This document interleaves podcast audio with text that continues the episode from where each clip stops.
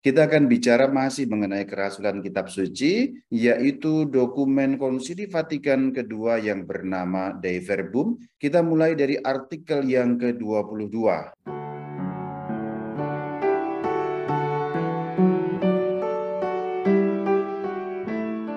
Bagi kaum beriman Kristen, jalan menuju kitab suci harus terbuka lebar-lebar. Ada perkataan jalan menuju kitab suci Kenapa harus dibuka lebar-lebar jalan menuju kitab suci?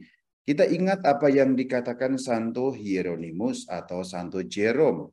Ignorantia scripture, ignorantia Christi es. Tidak kenal kitab suci sama dengan tidak kenal Kristus.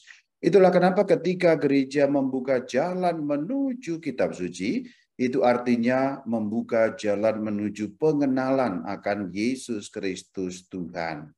Maka kita boleh dong bertanya, apa yang gereja lakukan untuk membuka jalan lebar-lebar menuju kitab suci? Untuk itu kita mau lihat bagaimana tonggak-tonggak peristiwa yang penting di dalam bidang kerasulan kitab suci. Ada cukup banyak, tetapi saya lihat tiga saja yang sangat signifikan pada tahun 1900-an dimulai, yaitu Paus Leo ke-13 itu mendirikan Komisi Kitab Suci pada tahun 1902. Ini komisi yang begitu penting karena komisi ini tentu saja akan mengurusi banyak hal yang terkait dengan kitab suci pada level kepausan, pada level gereja universal. Jadi penting sekali. Dan kemudian di berbagai gereja lokal atau gereja partikular atau kita sebutnya keuskupan, ada muncul komisi-komisi serupa yang mengurusi kitab suci. Penting juga, yaitu tujuh tahun kemudian pada tahun 1909, Sri Paus Pius ke-10 mendirikan Institut Kitab Suci. Itu sangat penting gunanya juga karena meneliti berbagai teks kitab suci, mempelajari, dan membuatnya menjadi ilmiah, menjadi satu sistem pengajaran, penggalian, dan juga eksegese yang sangat mumpuni. Para pakar kitab suci seluruh dunia pada umumnya dididik pada institut yang sekarang masih terus berdiri. Dan yang mutakhir tahun 65, 1965, Konsili Vatikan Kedua menghasilkan konstitusi yaitu bernama Dei Verbum, salah satu dokumennya. Saya kira tiga ini pun kalau kita sudah melihat dengan lebih cermat, ini hal yang penting, tonggak-tonggak kerasulan kitab suci. Kalau tidak ada komisi yang mengurusi tentang kitab suci, bagaimana ada kerasulannya? Kalau tidak ada yang meneliti dengan lebih canggih bagaimana bahan-bahannya dihasilkan dan bagaimana disampaikan kepada umat, atau juga ada kesulitan. Tapi kalau tidak ada petunjuk-petunjuk yang lebih praktis semacam Dei Verbum ini, maka juga pasti kita punya kesulitan terkait hal-hal yang demikian. Sekarang kita masuk kepada dokumen-dokumen yang penting mengenai kerasulan kitab suci. Tadi kan tonggak-tonggaknya. Ada dokumen Providentissimus Deus, ada dokumen Divino Afflante Spiritu, ada dokumen De Verbum. Dua yang pertama tidak saya bahas. De Verbum pun tidak akan seluruhnya kita bahas, karena tidak semuanya langsung berkaitan dengan kerasulan kitab suci. Yang dimulai dari artikel atau nomor 21. Kitab-kitab itu maksudnya adalah kitab-kitab yang termasuk dalam kanon Alkitab bersama dengan tradisi suci, tradisio, selalu telah dipandang dan tetap dipandang, selalu telah dipandang berarti sejak zaman para rasul atau para bapak apostolik dan tetap dipandang berarti sekarang dan akan seterusnya sebagai norma imannya yang tertinggi. Kenapa menjadi norma iman yang tertinggi bagi gereja? Karena gereja meyakini bahwa melalui kitab-kitab itu wahyu Allah disampaikan kepada kita. Atau paling kurang kitab-kitab itu menjadi kesaksian atas wahyu Allah kepada kita. Atau dalam bentuk yang lebih mudah, wahyu Allah disampaikan kepada kita di dalam dua bentuk yang tertulis, namanya kitab suci, yang kemudian diteruskan awalnya lisan dalam istilah teknis lisan, kemudian akhirnya toh tertulis juga, itu namanya tradisio, tradisi suci, yang tidak tercantum di dalam buku-buku kitab suci. Dan keduanya itu membentuk norma iman yang paling tinggi. Kenapa paling tinggi? Karena bahkan magisterium pun tidak lebih tinggi daripada Alkitab, tidak lebih tinggi daripada tradisi suci. Magisterium hanya menjelaskan apa yang diwahyukan dalam kitab-kitab itu. Masih merupakan artikel ke-21, kita potong-potong supaya kita pahami bagaimana inti-intinya. Kitab-kitab itu diilhami oleh Allah dan telah dituliskan serta menyampaikan sabda Allah sendiri. Itulah kenapa setiap kali pembacaan Alkitab dalam gereja, demikianlah sabda Tuhan atau dalam bahasa Latin verbum domini. Sekarang kita masuk pada artikel yang ke-22. Bagi kaum beriman Kristen, jalan menuju kitab suci harus terbuka lebar-lebar yang sudah kita bahas. Itu tidak berdiri sendiri kalimat ini, tapi ada lanjutannya. Oleh karena itu, nah ini lanjutannya, artikel 22. Oleh karena itu yang dimaksud apa? Oleh karena jalan menuju kitab suci harus terbuka lebar-lebar, maka, nah itu maksudnya, sejak semula gereja mengambil alih terjemahan Yunani perjanjian lama yang amat kuno yang disebut Septuaginta apa yang dimaksud sejak semula ya artinya gereja perdana, gereja mula-mula, gereja yang sejak zaman para rasul, gereja awal mula sekali. Mengambil alih terjemahan Yunani Perjanjian Lama yang amat kuno itu karena gereja pada masa awal tidak lagi berada di seputar Yerusalem dan juga tanah Israel Palestina, tetapi segera keluar dari wilayah yang berbahasa Aram atau Ibrani. Kita tahu Tahun 70 Masehi, Yerusalem dengan bait suci dihancurkan oleh pasukan Romawi.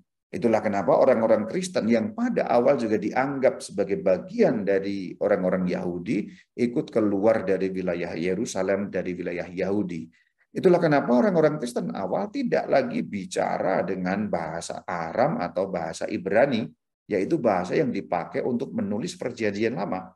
Perjanjian lama ditulis di dalam bahasa Ibrani.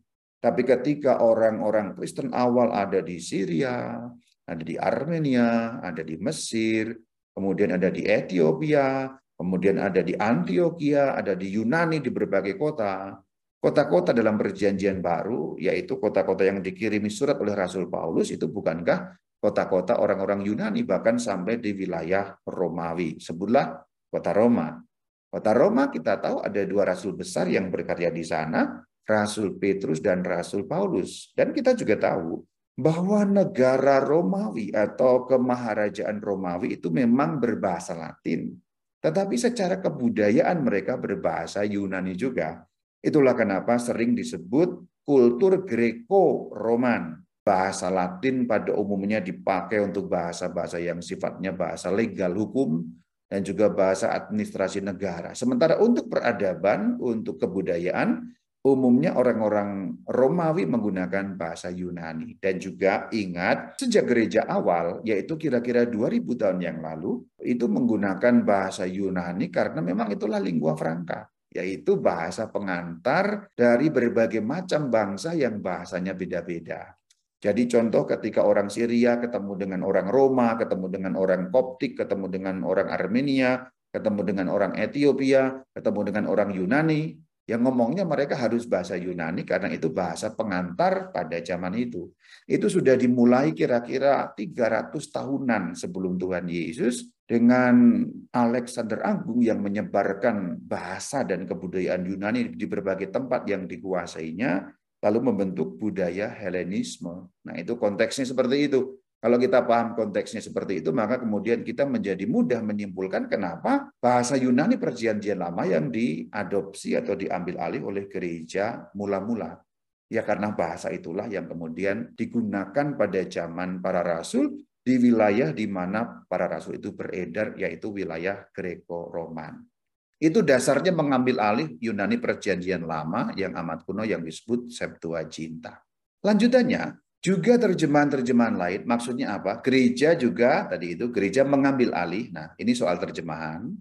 Juga terjemahan-terjemahan lain ke dalam bahasa Timur dan Latin, terutama yang disebut Vulgata. Di bahasa Timur, terutama dalam bahasa Aram, bahasa di wilayah Syria yang disebut kitabnya dengan nama Pesito atau Pesita. Pesita, Pesito, Sementara dalam bahasa Latin itu ada beberapa, misalnya Old Latina atau Vetus Latina, itu Latin tua yang diterjemahkan kira-kira abad kedua, itu memang sudah ada. Tapi kemudian Paus Damasus menugaskan kepada Santo Jerome atau Hieronymus untuk membuat membuat terjemahan Latin yang lebih up to date katakanlah begitu. Dan terjemahan itu selesai dikerjakan setelah 40 tahun dipersembahkan kepada gereja dan diberi nama Vulgata.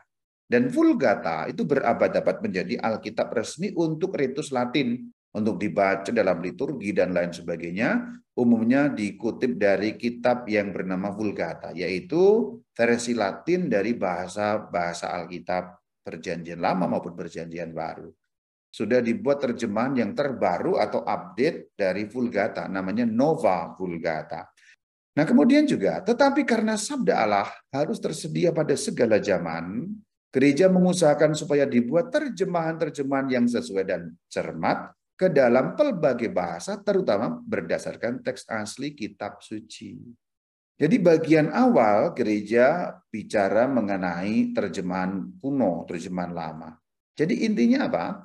Intinya menggunakan bahasa yang dimengerti pada wilayah tertentu. Juga contoh Latin. Kenapa sih bahasa Latin? Dan kemudian kenapa sih aslinya liturgi Latin? Ya simpel karena orang-orang Roma pada zaman itu ya sehari-hari pakai bahasa Latin.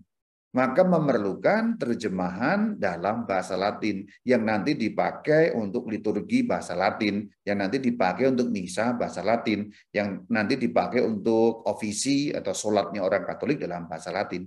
Ya karena sehari-hari mereka bicara bahasa Latin. Sesimpel itu. Jadi bukan karena Latin itu bahasanya Tuhan, ya bukan ya atau Allah hanya mengerti bahasa Latin? Ya tidak. Bahasa apa pun Tuhan Allah mengerti gitu ya. Tapi lebih karena memang harus tersedia terjemahan. Ketika orang tidak lagi tahu bahasa Ibrani kemudian tidak membaca kan karena nggak tahu maka Yunani diperlukan untuk perjanjian lama. Jadi orang bisa baca. Jadi sejak semula gereja itu memang sudah menerjemahkan Alkitab. Sejak semula jadi gereja Katolik itu sudah melakukan kerasulan kitab suci ya sejak semula juga. Dan sejak semula sudah ada berbagai macam terjemahan, termasuk dalam terjemahan Latin itu tujuannya supaya dimengerti. Tetapi dunia berubah kan. Lingua franca Eropa tidak lagi bahasa Yunani. Sebagai sebuah bahasa Latin sudah mati sebagai bahasa tutur maksud saya.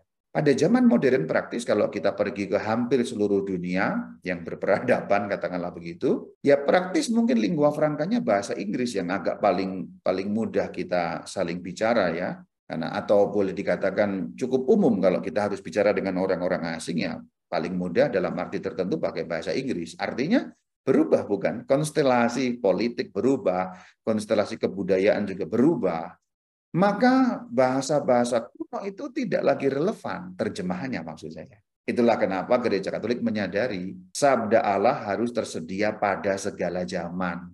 Itulah kenapa terjemahan yang sesuai ke dalam pelbagai bahasa.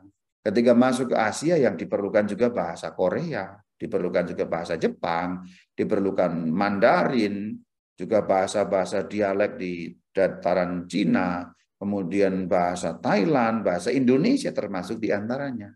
Tetapi juga penting yang perlu diperhatikan berdasarkan teks asli kitab suci. Ini kan penting sekali. Jadi bukan berdasarkan teks yang terjemahan. Karena apa? Gereja Katolik pernah mengambil langkah bahwa semua terjemahan harus menggunakan landasan Vulgata. Padahal Vulgata itu terjemahan. Artinya, kalau terjemahan dilandaskan pada Vulgata, sebuah terjemahan dilandaskan pada sebuah terjemahan. Kan tidak tepat. Itulah kenapa sikap yang diambil sejak tahun 65 adalah berdasarkan teks asli Alkitab. Artinya, ketika menerjemahkan perjanjian lama, ambil pada teks Ibraninya. Ketika menerjemahkan perjanjian baru, ambil teks Yunaninya. Ketika kamu membuka Alkitab pada bagian paling depan, itu pasti akan ada tulisan Perjanjian lama dari Ibrani, perjanjian baru dari Yunani, Deuterokanonika juga dari Yunani. Jadi gereja mengikuti De Verbum 22 ini dalam hal terjemahan. Tapi juga dikatakan yang sesuai dan cermat. Cermat itu artinya tidak serampangan ya, kata demi kata diteliti, sesuai artinya juga mengikuti hukum-hukum atau kaidah-kaidah penerjemahan yang dianut dan juga teori dasar linguistik dan lain sebagainya sehingga tidak asal-asalan. Contoh gampangnya ya kalau menerjemahkan dari bahasa Yunani ke bahasa Indonesia berarti harus ada orang yang paham pakar dalam bidang bahasa Yunani kemudian dalam bahasa sasaran bahasa Indonesia. Terjemahan itu tidak bisa sembarangan, harus para pakar dan juga diterbitkan oleh lembaga yang punya kompetensi di dalamnya ada pakar-pakar. Ya di Indonesia kita punya LAI yang menerjemahkan Alkitab, di mana gereja Katolik juga berada di dalam LAI itu, ada peran di sana. Tapi khusus untuk Deuterokanonika itu dikerjakan oleh para ahli Katolik yang tergabung di dalam LBI. Itu maksudnya supaya terjemahannya tidak ngawur tapi sesuai dan cermat seperti yang disebutkan tadi. Lalu ini menarik dan penting kita perhatikan. Bila terjemahan-terjemahan itu, nah itu maksudnya terjemahan-terjemahan dalam bahasa modern, berbagai bahasa yang dipakai sekarang ini, sekiranya ada kesempatan baik dan pimpinan gereja menyetujuinya, ada dua syarat, kesempatannya baik, ya memadai waktu dan tempat, ruang dan waktunya, dan pemimpin gereja Katolik setuju tentang itu, diselenggarakan atas usaha bersama dengan saudara-saudari terpisah Tujuannya apa? Terjemahan itu dapat digunakan oleh semua orang Kristen. Jadi firman Tuhan untuk semua jenis orang Kristen bunyinya sama kira-kira begitu. Indonesia itu sangat maju dalam penerjemahan berbasis pada Dei Verbum ayat 22 ini. Usaha bersama dengan saudara-saudari terpisah maksudnya adalah usaha bersama dengan orang-orang Kristen yang non-Katolik. Contohnya ada dua macam yang dikerjakan bersama oleh tim Katolik maupun tim yang terpisah dalam hal ini Protestan. Waktu awal dulu dikerjakan bersama itu ada versi TB terjemahan baru yang sekarang malah sudah ada TB2 yang pembaharuan ya. Lalu juga ada yang menggunakan bahasa Indonesia sehari-hari yang disebut terjemahan BIS atau sekarang namanya BIMK. Itu terjemahan yang sama. Yang contoh dalam bahasa Inggris itu NRSV NRSV ya. Nah ini contoh-contoh terjemahan bersama yang dihasilkan karena membaca DV22. Oke ini lebih-lebih hal yang lebih teknis dan praktis. Kita masuk sekarang ke DV23. Para ahli kitab suci Katolik dan ahli teologi lainnya dalam kerjasama yang erat harus berusaha supaya mereka terus dan seterusnya menyelidiki dan menguraikan kitab suci. Nah ini pentingnya sedemikian rupa sehingga dapat menyajikan santapan kitab suci kepada umat Allah. Nah, kemudian masih pada uh, tentang teologi karena tadi kan dikatakan para ahli kitab suci dan ahli teologi. Itu artikel 24 yuk kita baca. Pelajaran kitab suci hendaklah bagikan jiwa teologi suci. Oke, ini tugasnya para dosen langsung kita lewat. Namun dengan sabda Allah juga pelayanan sabda, ministry, ministry mengenai sabda ya, mendapat bahan yang sehat dan berkembang dengan suci pelayanan sabda itu maksudnya pewartaan pastoral, penggembalaan, kata keise, dan semua pelajaran Kristen, semua pelajaran dalam arti pengajaran ya homili dikatakan harus diistimewakan. Nah, pengajaran kan bisa juga dari homili atau kalau kamu dalam persekutuan doa apa pun bentuknya ya yang karismatik atau bukan KTM, kelompok sel apa pun itu kan ada pengajaran di situ. Nah, itu juga bagian dari ministry mengenai firman Allah. Selanjutnya, bicara mengenai para rohaniwan. Maka ini fotonya para romo, para pastor. Semua rohaniwan, rohaniwan itu terjemahan dari kata klerus atau klerik ya, berarti uskup, imam, diakon. Terutama para imam Kristus serta lain-lainnya perlu berpegang teguh pada Alkitab. Caranya bagaimana? Ada dua. Membacanya dengan asyik, yang kedua mempelajarinya dengan saksama. Yang kedua menyapa semua orang beriman. Nah loh, Anda semua nih kan. Supaya dengan sering kali membaca kitab-kitab ilahi. Memperoleh pengertian yang mulia akan Yesus Kristus. Supaya dengan sering membaca. Jadi didesak untuk membaca. Supaya apa tujuannya?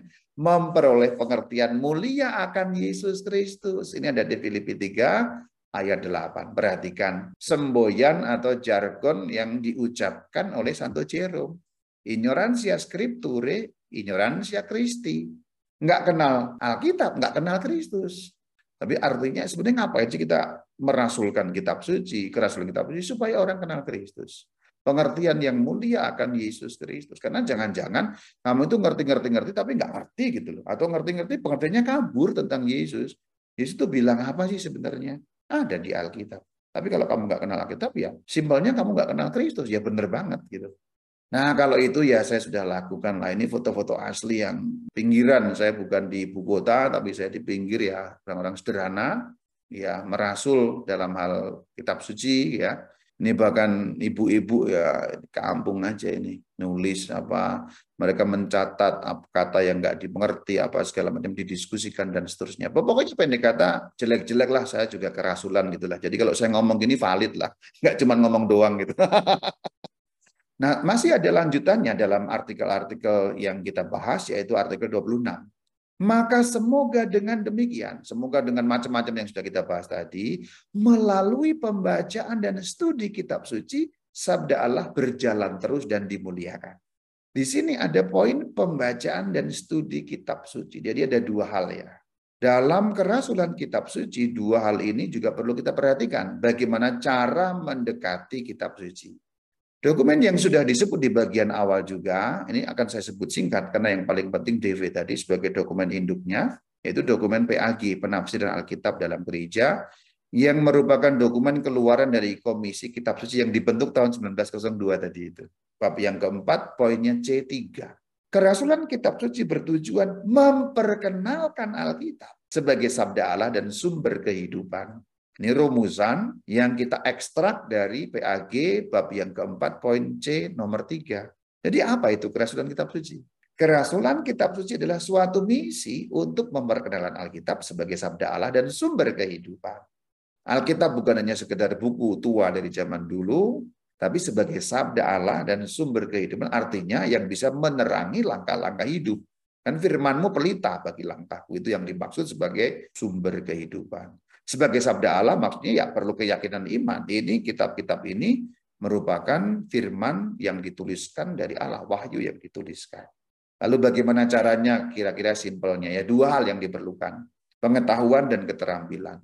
Yang dibutuhkan itu tiga pengetahuannya. Kalau kamu bergulat atau bergelut atau melayani dalam bidang keras kitab suci, itu pengetahuan doktriner berkaitan dengan ajaran, Pengetahuan biblis berkaitan dengan Alkitabiah dan pengetahuan teologis ketiga-tiganya beda tapi terkait. Contoh pertama, pengetahuan doktriner. Yang penting atau bahkan paling penting adalah KGK, Katekismus Gereja Katolik atau CCE, Katekismus Katolike Ecclesiae. Karena doktrin iman Gereja Katolik semua ada di sini. Yang kedua, untuk zaman sekarang penting juga dokumen konsili Vatikan kedua. Bagaimana sih cara mendekati kitab suci contohnya? Lalu yang ketiga contohnya yang barusan kita bahas penafsiran Alkitab dalam gereja. Yang kedua pengetahuan Alkitabiah ya contoh buku-buku sumber kitab suci Katolik yang gede. Kenapa ini penting ya, sebagai pengetahuan Alkitabiah? Karena di dalam kitab suci Katolik yang diterbitkan oleh Bimas ini ada banyak catatan-catatan kaki. Ya, contoh kalau kamu lihat itu setengah dari kitab itu adalah catatan kaki atau juga kanan bawah catatan kaki. Sehingga ayat ini maksudnya apa dan sebagainya ada di sana semua. Lalu yang Alkitab edisi studi seperti ini. Isinya kurang lebih sama dalam arti pengetahuan-pengetahuan, tapi terus terang jauh lebih menarik isinya. Ada warna-warni, contoh itu ada peta dengan warna, ada huruf-hurufnya juga dibentuk dengan bagus, ada kode-kode warna biru, Contoh misalnya kiri atas ada keterangan mengenai latar belakang, ada gambar-gambar di situ. Kemudian kanan tengah itu juga ada. Ini saya jamin ini lebih menarik daripada produksi yang kita yang Bimas punya itu ya. Tapi ini dua-duanya isinya sama-sama bagus. Ini pengetahuan-pengetahuan dasar yang boleh kamu timba dari situ. Lalu buku-buku yang lain, ya ini beberapa yang saya punya lah. Nah kalau untuk pengetahuan teologis, contoh-contohnya seperti ini. Memang ini agak berat tentu saja karena teologis. Oke, itu mengenai ya pengetahuan dasar. Sekarang keterampilan dasar bagian terakhir tidak terlalu panjang karena saya hanya intinya saja. Kerasulan kitab suci itu pertama harus berjumpa Alkitab secara pribadi, membacanya dengan asyik dan mempelajarinya dengan seksama. Itu yang saya lakukan dalam ya dalam hidup saya pribadi. Ya saya lebih terbantu karena saya sebagai seorang presbiter atau imam ya tentu sehari-hari bergulat dengan ini. Tapi kalau kamu yang harus cari nafkah, harus segala macam ngurusin, memang waktunya lebih terbatas. Tapi bukan berarti tidak mungkin ya. Kalau sudah apa-apa sudah diniatkan ya pasti ada mungkin. Yang kedua berbagi buah renungan Alkitab. Ini juga penting. Ya. Ketika baca Alkitab kan kita berkaca, bercermin, bertatap muka dengan firman Tuhan sehingga pasti ada ada bunyi sesuatu. Renungan Tuhan bisa aja yang sesuatu yang simpel-simpel ya. Yang ketiga berjumpa Alkitab dalam kelompok. Ya, contoh aku punya kelompok kitab suci di paroki. Demikian yang dapat saya sampaikan. Semoga ada gunanya. Kalau nggak terlalu berguna dan kamu sudah tahu semua, ya paling kurang ini menegaskan apa yang sudah kamu tahu. Terima kasih. Shalom alaikum.